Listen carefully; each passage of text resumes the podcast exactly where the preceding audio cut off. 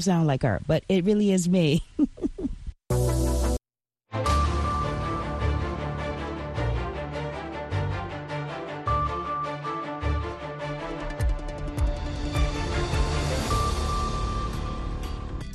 halkani waa washington laanta afka soomaaliga ee v o a oo aad ka dhagaysanaysaan mawjadaha gaaggaaban efmeyda geeska afrika iyo caalamkao dhan oo aad nagala socotaan v o a somaly com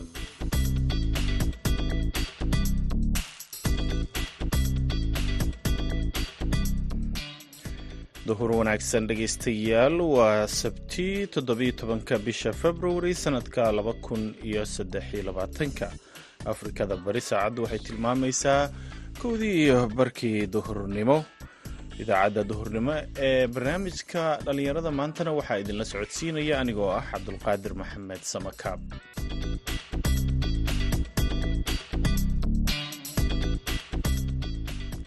qodobada aad ku maqli doontaan idaacaddeenna duhurnimo waxaa ka mid a barnaamijkii madasha dhallinyarada oo ku saabsan waraysi aan la yeelanay maamulaha dugsiga hoose ee tayo dhuusamareeb kaas oo waxbarasho bilaash ah siiya ardayda danta yar. Sida qorshaha anagu yahay ardada hadda waxay ka barataa iskuulka udhexeeya fasalada koowaadka ilaa shanaadka laakiin qorshaha anaga iyo sida aan qorshaynayna waxa ay tahay in dhammaan ardayda halkaas wax ka barataa loo wada waxbarashadooda ilaa heerarka secondariga iyo in sidoo kaleeto hay'addu waxay qorshaynaysaa in caawiso ardadaas ilaa heerarkooda jaamacadeed ciyaarihii kaalmihii heesaha ayaad sidoo kale maqli doontaan balse intaasoo dhan waxaa ka horreeya warkii dunida.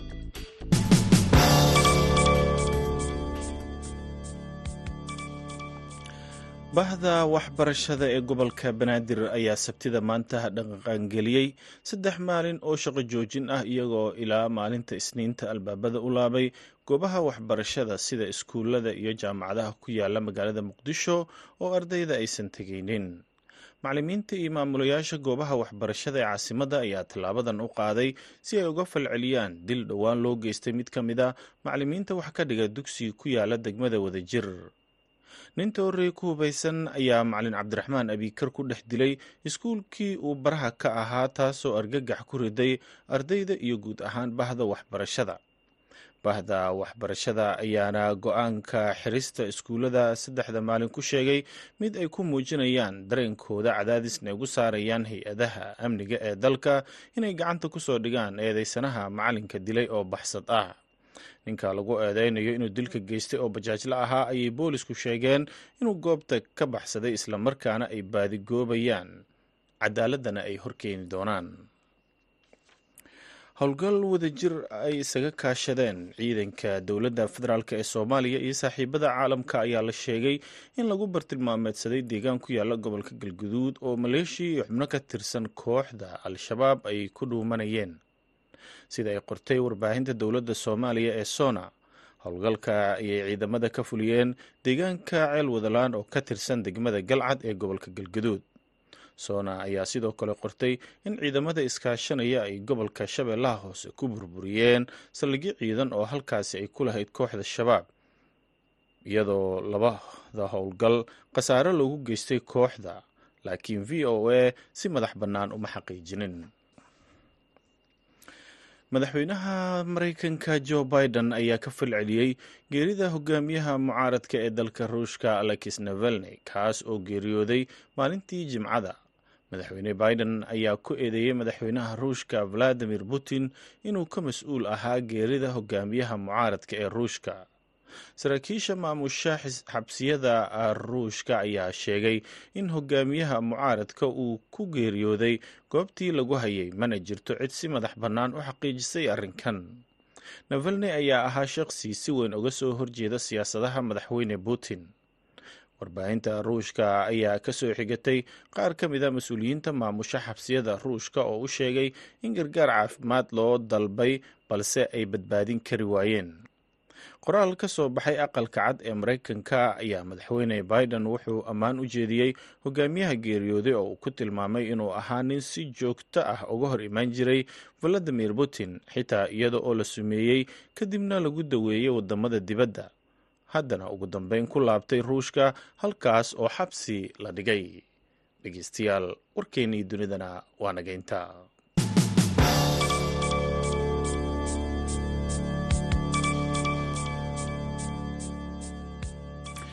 Halkaaad warkaasi ka dhageysanayseen waa idaacadda v o a oo idinkaga imaaneysa washington.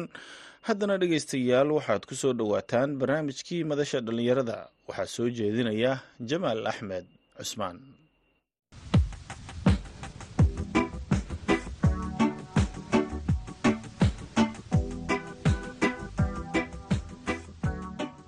Kulanti wanaagsan dhegaystayaal ku soo dhowaada barnaamijka madasha dhallinyarada. Toddobaadkan dhegaystayaal waxaan diiradda ku saaraynaa ururka somali students foundation oo ah urur aan faa'iidadoon ahayn islamar ahaantaasina ka helgeliyey magaalada dhuusamareeb ee xarunta maamulka galmudug iskuul waxbarasho ay dhigtaan.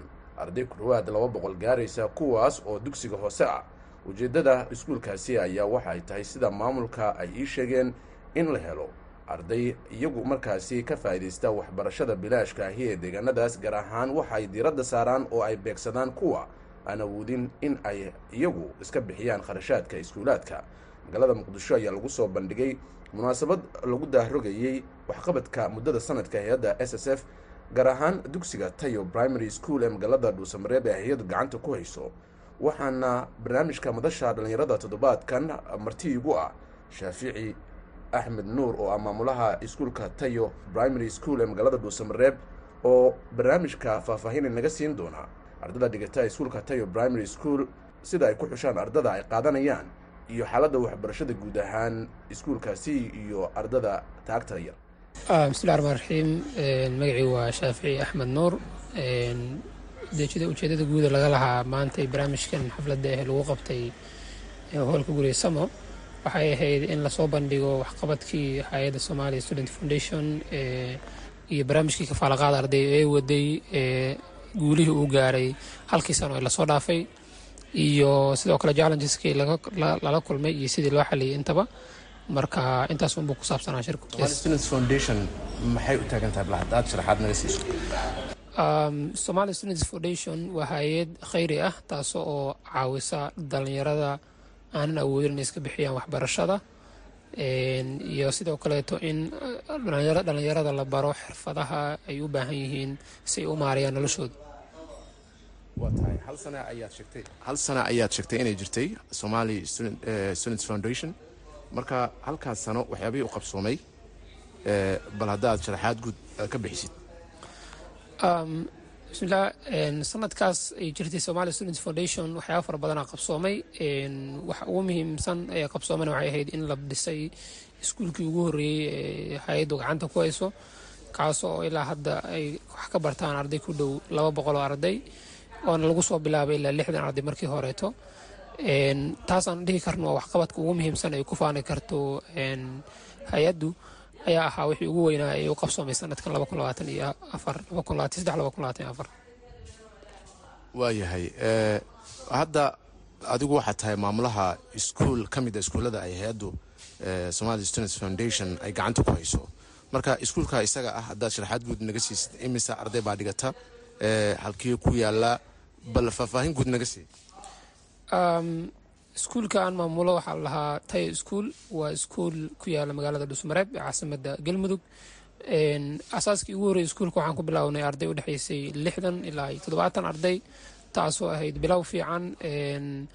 Iyadoo ay jireen resource markaas la heli karo uu yaraa iyo ardaydii oo badnayd ayaan waxaan soo marnay marxalado kala duwan iskuulku uu soo maray oo caqabado ahaa oo la xaliyey hadda xilligan la joogo waxaa wax ka barata arday u dhexeysa boqol iyo siddeetan arday ilaa laba boqol oo arday oo heerarka kala duwan iskuulka ah. Iskuulku waxa uu adeegaa hadda sida iskuullada caadiga ah ee primariga ah. Waxa uuna leeyahay fasalada koowaadka ilaa iyo shanaadka oo la isku yiraahdo laba primariga marka waana guulaha la dhihi karo waa la gaaray intan uu sanadkan noo socday. Marka ardada intaa la eg ma waxay yihiin kuwo iskuulka hay'adaasi somali students foundation ay taageerto oo aan wax qarashaad laga qaada mise qarashaad ayaa jiro oo ay ardadu bixiyaan? Maya wax qarashaada oo ardada laga qaada ma jirto. Dhammaan ardayda wax ka barata iskuulkaas dhammaantood waxay wax ku bartaan qaab bilaash ah oo free ah. Xitaa hadday u baahdaan resourcekii waxbarashada bawaagtii iyo qalimaantii waxaa ka caawisa hayda waayahay maamule dhinaca kale markaad ka warbixisid in iskuul intaa la eg ardaa intaa la eg gacanta lagu hayo waa arrin aad iyo aad miisaaniyad iyo xil weyn u baahan. Hay'adda somali students foundation xagee bay qarashaadku ka keentaa ay ku caawiso macalimiinta iyo ardada intaa la eg iskuulaadkooda waxbarashadoodii iyo buwaagtoodii qalmaantoodii waxooda waa maasanta jamaal somali student foundation waa sidaan kuu sheegay hay'ad khayri ah. Waxa lagu wado iskuulaadkaas oo qarashaad ah oo waxbarashada ardadaas lagu kaaba ama ha ahaato bawaag ama qalimaan ama mishaaraadkii macalimiinta intaba ha ahaatee waxaa laga soo aruuriyaa dad walaalo ah oo khayrka jecel oo xeerar kala duwan wax ku bixiya. Marka waana resourceka ugu weyn ishii ugu weyn ee wax ka hesho hay'addu. Waa dadkaas walaalaha muxsiniinta. Ah waa arrin wanaagsan in dad la waxbaro oo ay dadka gaar ahaan aan awoodin inay waxbartaan. Ma jira maamulka oo kale taageero u fidiyo iskuulka magaalada dhuusamareeb maamulka galmudug ama wasaaradda waxbarashada mase la xiriirteen arrimo noocaas oo kale haddayse jiraan. Maxaad nala wadaagi kartaa? Waa tahay iskuulka tayo sidaan kuu shegay wuxuu ka dhisay magaalada dhuusamareeb ee galmudug caasimadda galmudug xiriir fara badan waan la sameynay wasaaradda waxbarashada galmudug iyo sidoo kale maamulka caasimadda maamulka caasimaddu hadda wax muuqda oo awood ah uu ku bixiyo meesha ma jirto laakiinse wasaaradda waxbarashada galmudug waxyaaba fara badan naga caawisaa jiro. Waxaa ka mid ah inay na siisay mararka qaarkood naga caawiso buwaagta ardayda. Sidoo kalena ay nagu soo xirto hay'adaha caalamiga ah ee caawiya iskuulaadka. Sidoo kaleeto wasaaradda waxbarashadu waxay naga caawisay in aan helno nidaamkii mareegta danabaysan ee daatada ardayda lagu xareyn jiray ee emiska oo iskuulka si fakshana uga shaqeynaya iyo sidoo kaleeto in iskuulka loo diiwaangeliyey iskuul free ah oo qaab free ah macnaha markii ay wasaaradda diiwaangelinaysay iyadoo la qaado lacago qarashaada markii iskuulaadka la diiwaangelinayo. Marka waa intaas waxyaaba ay naga caawiso wasaaradda waxbarashada galmudug marka dhammaantooda ma waxay arday dugsiga hoose dhigato mise waxaa jira heerar kala gedisan oo intaasi ka baxsan oo ay ardadu wax ku baran karaan. Sidoo qorshaha nagu yahay ardada hadda waxay ka barataa iskuulka udhexeeya fasalada koowaadka ilaa shanaadka. Laakiin qorshaha naga iyo sida aan qorshaynayna waxa ay tahay in dhammaan ardada halkaas wax ka barataa loo wado waxbarashadooda ilaa heerarka secondariga iyo in sidoo kaleeto hay'addu waxay qorshaynaysaa in caawiso ardadaas ilaa heerarkooda jaamacadeed marka waa uun progress la rabo in la gaaro xilli walba ku xiran ardadaas iyo dadaalka ay muujiyaan. Marka qorshahanagu waa sidaa laakiin hadda waxa actual iskuulka uu qabtaa uu bixiyaa waxa weeyaan waa primariga waxbarashada primariga ama dugsiga hoose dhexe. Arday intaa la eg oo da-daadooda intaas ay yar tahay oo laba boqol gaarayso marka hadda ku dhowaad sanad iskuulku uu shaqaynayey sidaan filayo ardaydu heerar kala gedisan bay maraan. Marka ay primarigu ka baxaan maxaa u qorshaa haddii weli aydan idinku bilaabin in taageerada ardada primariga ka gudubta la sii siinayo ay sii socoto. Qorshaha ardadaasi muxuu yahay idinkaga degsan? Walaahi hadda sida hay'addu ayba dabcanba samayso oo ardayda qaar loo caawiyo haddii la awoodi waayo in aan gaarno markii ardaydu primariga ay dhammaystaan in waxbarashadii ku sii wataan iskuulka ay hadda joogaan qorshaha annagu wuxuu yahay inaan geyno iskuullada waxbarashada ah waxbarashada secondariga bixiya ama bilaasha ahaadaan ama ha ahaadaan kuwa brivate intaba ujeedada guud iyo waxaa naga go-an waxa ay tahay annaga in ardadaas ay noqdaan kuwo mar walba waxbarashada taga iskuullada aada ilaa ay heer ay ka gaarayaan noloshooda naftoodana ay kaafin doonaan. Waayahay dhinaca kale hay'addan s s f ama somali students foundation ujeedka laga leeyahay marka laga soo gudbo inay ardadaasi taageerto ma la xiriirteen ama ma jirtaa iskaashi kale iyo taageero kale oo ay ka doonayso inay ka hesho dadka deeqaha bixiya hay'ado hadday yihiin maalqabeennada. Bal haddaad arrintaa iyadaana isdul taagto sharaxaad naga sii walahi jamaal waa mahadsan tahay iskuulka tayo iyo sidoo kale hay'adda somali foundation somali student foundation. Sidaan hore kugu sheegaba waxay wax ku wadaa waxa weeyaan deeqaha walaalaha muxsiniinta ah ee sadaqada bixiya dadka soomaaliyeed iyo kuwa kale ee caalamiga intaba oo caawiya waxbarashada dadka iyo sidoo kaleeto horumarinta bulshada hay'addu waxay kaga baahan tahay waxa weeyaan in ay caawiso oo ay noqdaan hay'addu noqoto channel wax u maraan dadkaas si ay u gaarsiiyaan dadkii ugu mudnaa ee waxbarashada u baahnaa iyo sidoo kale waxyaabihii kale ee arrimaha bulshada ahaa. Marka dhammaan hay'adaha iyo dadka muxsiniinta ah iyo walaalaha hantida haysta intaba waxaan ugu baaqaynaa in ay caawiyaan dadka waxbarashada u baahan. Oo ayna gartaan oo inay ka faa'iideeyaan barnaamijyada ay bixiso hay'adda s s f iyo sidoo kaleeto iskuulka tayo. Waana wax loo baahan yahay runtii maadaama waxa wax lagu wada haddaba ay yihiin waxyaabo laga soo aruuriyo walaalo soomaaliyeed. Waayahay dhinaca kale waxaa jira hay'ado kuwan oo kale ah oo iyaguna iskuulla noocan oo kala taageera marka maxay kaga duwan tahay hay'addiinani? Hay'adahaasi kale sidaa si la midka ah mashruucyo noocyadan oo kale ah oo bilaashka dadka u qabta wallaahi hay'adu way jiraan. Hay'ado ka shaqeeya waxbarashada oo s s f amal oo kale ah. Laakiinse waxay s s f kaga duwan tahay hay'adaha kale waxa weeyaan hay'addani waxay u taagan tahay inay ardayga gacan qabato ilaa isaga naftiisa kaafinaayo oo macnaheedu tahay inay ardaygii hadduu ka bilaabo waxbarashada primariga oo hay'addu gacanta ay ku qabato ambishanka iyo goolka hay'addu waxa weeyaan ardaygaas ay gacanta ku sii hayso ilaa iyo uu ka baxayo jaamacadda noqonayana xirfadle ku shaqaysta aqoontiisa. Marka waa waxaan kaga duwanahay hay'adaha kale waa intaa. Ardada aada xulataan da-dooda mise bay ka bilaabataa ilaa iyo intayse isugu jirtaa? Da-da ardada aan xulanaahu waxay ku xiran tahay qofka shaqsiga ee markaas waxbarashada u baahan laakiin ardayda iskuullada aan u xulanaahu waa ardayda u dhexaysa da-da toddoba jirka ilaa iyo siddeed iyo toban jirka. Ardayda jaamacadaha sidoo kaleetana waa wixii ka weyn siddeed iyo toban ilaa iyo wixii intaa ka sii weyn oo loo awoodi karo markaas in looga faa'iidayo waxbarasho jaamacadeed. Ma jiraan arday jaamacadaha aad uga faa'idaysaan ha dabcan way jiraan tirada hadda ardayda jaamacadaha ka faaidaysto ilaa iyo labaatan arday waaye maadaama barnaamijka iyo hay'addu intaba cusub yihiin oo aan aaminsannahay in labaatan arday oo hal sano gudaheed wax laga bixiyaa ay tahay wax aada u weyn. Marka labaatanka arday xagee bay jamacada ka dhigta madhuusamareeb ma magaalooyin kale oo soomaaliyeed mise meelo kale haddaad iyaguna faahfaahin ka bixisa ardada waxay ka dhigtaan dhammaan meelaha hadda aad sheegtay oo dhan waxaa ugu badan maadaama jaamacadaha ugu badan ardaydan u soo boqoolaan ay ku yaalaan muqdisho ardayda wax ka barataa ugu badan waxay wax ka bartaan magaaladan muqdisho jaamacadeeda kala duwan sidoo kale waxaa jira arday gobollada wax ka barta sida magaalooyinka gurceel iyo dhusmareeb intaba. Haddaan ku laabto ardada qaababka aad ku xulataan gaar ahaan kuwa dugsiga hoose sidee baad ku xulataan? Ardada ma waxaad u fiirisaan sida xaaladooda dhaqaale ay tahay ma u fiirisaan sida ay bulshadu meesha ay ka joogaan bal sidee baad u xulataan? Ma xulashooyin gaaraa jira. Waxaa jira markay noqoto in la xusho arday dugsi dhexe ama dugsi sare ama waxyaabaha waxbarashada asaasiga intaba lagu jiro. Waxaa weeyaan ardayga waxaa loo xushaa heerkii dhaqaalaha faamiligiis uu yahay iyo sidoo kaleeto dadkaasi nooca ay ka yihiin bulshooyinka ay la joogaan oo waxaa jira bulshooyin fara badan oo aan ku badnin waxbarashada iyo sidoo kale dad aan awoodin inay qarashaadka waxbarashada iska bixiyaan. Muhiimadda iyo waxa ugu weyn aan ku xulanahuna waa labadaas shay oo hadda aad sheegtay.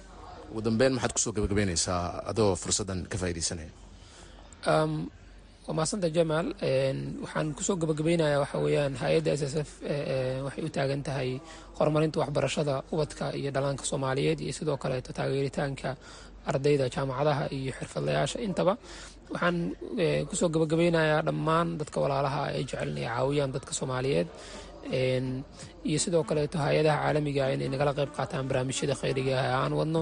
Sidoo kalena ay na siiyaan caawinaada saxda ah ee aan u baahannahay sidoo kaleeto waxaan ku soo gabagabeynayaa in dhammaan hay'adaha kala duwan ama hay'adaha dowliga ah ama kuwa aan dowliga ahayn ha ahaadaan ay ka shaqeeya arrimaha bulshada inay nagala shaqeeyaan nagana caawiyaan si aan ku horumarin lahayn waxbarashada ubadka soomaaliyeed iyo xirfadda dadka soomaaliyeed intaba aad baa madsanta kaasi waxa uu ahaa maamulaha iskuulka tayo primary school ee magaalada dhuusamareeb shaafici axmed nuur. Barnaamijka madasha dhallinyarada ayuuna marti ugu ahaa dhegaystayaal. Barnaamijka ayaan guud ahaan intaas ku soo gabagabaynaya anigoo jamaal axmed cismaan ayaa nala socodsiinayay tani kulanti dambe nabadgelyo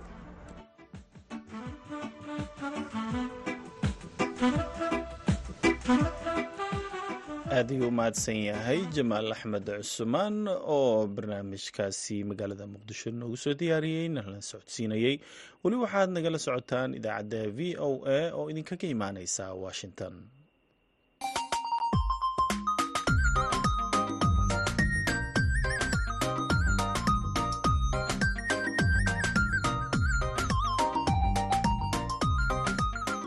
Bandhiga v o a barnaamijka bandhiga v o a waa barnaamij idinku tala gashay laanta af soomaaliga ee v o a. Bandhigga v o a waxaad khamiis walba kaga bogan kartaa qormooyin kala duwan oo la xidhiidha taariikhda iyo aqoonta guud dhaqaalaha sharciga iyo samafalka.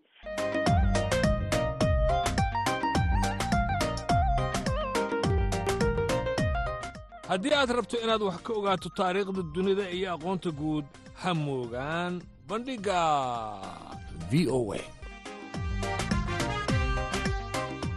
bandhiga v o e kala soco laanta af soomaaliga ee v o e maalin kasta oo khamiis ah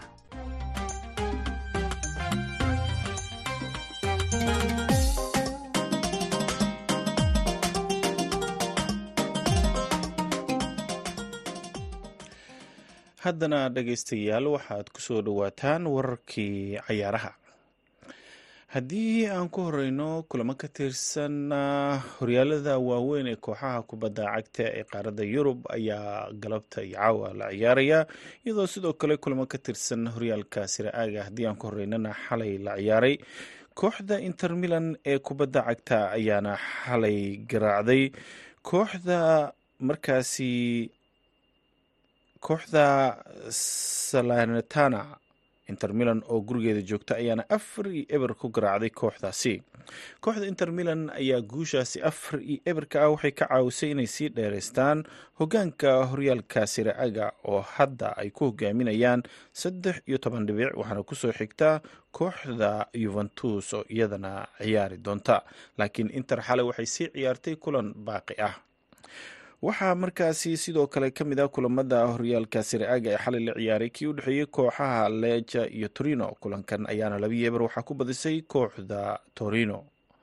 Dhinaca dalka sbainna hal kulan ayaa xalay la ciyaaray kaasoo u dhexeeyey kooxaha villareal iyo gretaf kulankan ayaa sidoo kale ku dhammaaday barbaro hal iyo hal ah laakiin kulamo ka tirsan horyaalka premier leaga ayaa goor dhow la ciyaari doonaa. Kulanka ugu soo horreeya ayaa u dhexeeya kooxda liverpool oo horyaalkaasi hogaamineysa waxaana ay booqanaysaa ama ay marti u tahay kooxda brandford banleyna waxay markaasi martigelin doontaa kooxda arsenal waxyar un kadib markii ay soo dhammaato ciyaarta u dhexeysa kooxaha liverpool iyo banley fulham iyo astanvilla ayaa isku aadan kooxda astanvilla oo waayadan guuldaro u saaxiib noqotay ayaa dooneysa inay dhinaca kale isu rogto oo waddada guusha ay ku soo laabato iyadoo booqanaysa kooxda fulham. Newcastle united iyo bournemouth ayaa isku aadan nottingham forest iyo sidoo kale waxaa isku aadan kooxda westerham united tottenhamna waxay la ciyaari doontaa kooxda wolves laakiin kooxda difaacanaysa horyaalka premier leaga ee manchester city ayaa ciyaar kulul. Waxa ay garoonkeeda itixaad ugu martigelin doontaa kooxda chelsea oo iyadana xaalada ay ku adag tahay. Kulankan ayaana ah kulanka ugu adag kulamada toddobaadka ee horyaalka premier leaga city oo dooneysa inay difaacato ayaa dooneysa inay ku sii dhowaato kooxda liverpool dhinaca horyaalka laliga ee dalka sbainna kooxda atletico madrid ayaa la ciyaari doontaa kooxda kale ee las balmas susuna iyo cadis ayaa isku aadan halka kooxda valencia ay la ciyaari doonto kooxda sevilla horyaalka sbain ayaana kulamadaasi la ciyaari doonaa. Maanta sere aagana kooxda napoli oo sannadkii la soo dhaafay ku soo guuleysatay horyaalka laakiin xaaladda ay ku xun tahay ayaa martigelinaysa kooxda genoa. Veronana waxay martigelin doontaa kooxda yuventus oo ah tan ku jirta kaalinta labaad ee kala horneynta horyaalka seraaga atlanta iyo sosolo ayaa isku aadan kulamadaasi ayaana maanta iyo caawa kala dhici doona horyaalka bundusliigaha ee dalka jarmalkana kooxda hogaamineysa ee bayer liverkusen ayaa waxay la ciyaari doontaa kooxda kale ee markaasi hadenham laakiin kooxda stuttgard waxay la ciyaari doontaa kooxda kale ee damshad hanover aanrahda union berlin iyo havenham ayaa isku aadan. Mains iyo augsburg ayaa is arkaya halka wolfsburg ay la ciyaari doonto kooxda dortmond kooxda brusia manjalabajna waxay la ciyaari doontaa kooxda kale ee lebsig dhegeystayaal natiijooyinka kulamadan waxaad ku dhegeysan doontaan idaacadeheena dambe. Haddana waxaad ku soo dhowaataan kaalmihii heesaha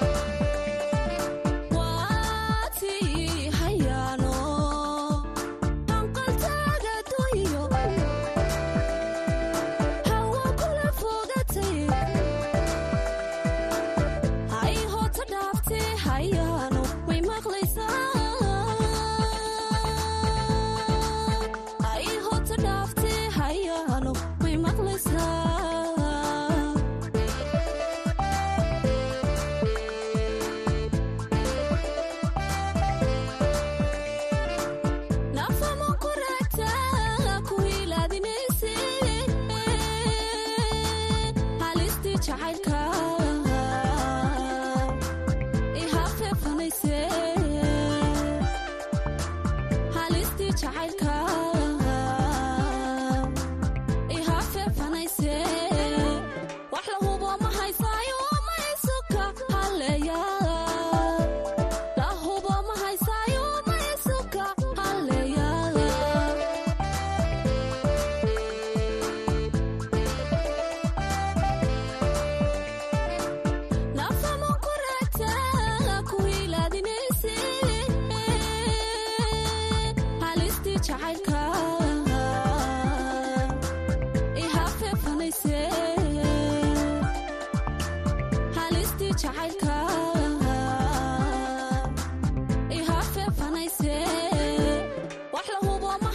heestaasi halistii jacaylka iyo codkii mises xiis ayaa u dambeeyey idaacaddeenii duhurnimo. Waxaa idinla socodsiinaya anigoo samakaab ah tan iyo idaacaddeenna galabnimo. Waxaan idinkaga tegaynaa sidaa iyo nabadgelyo.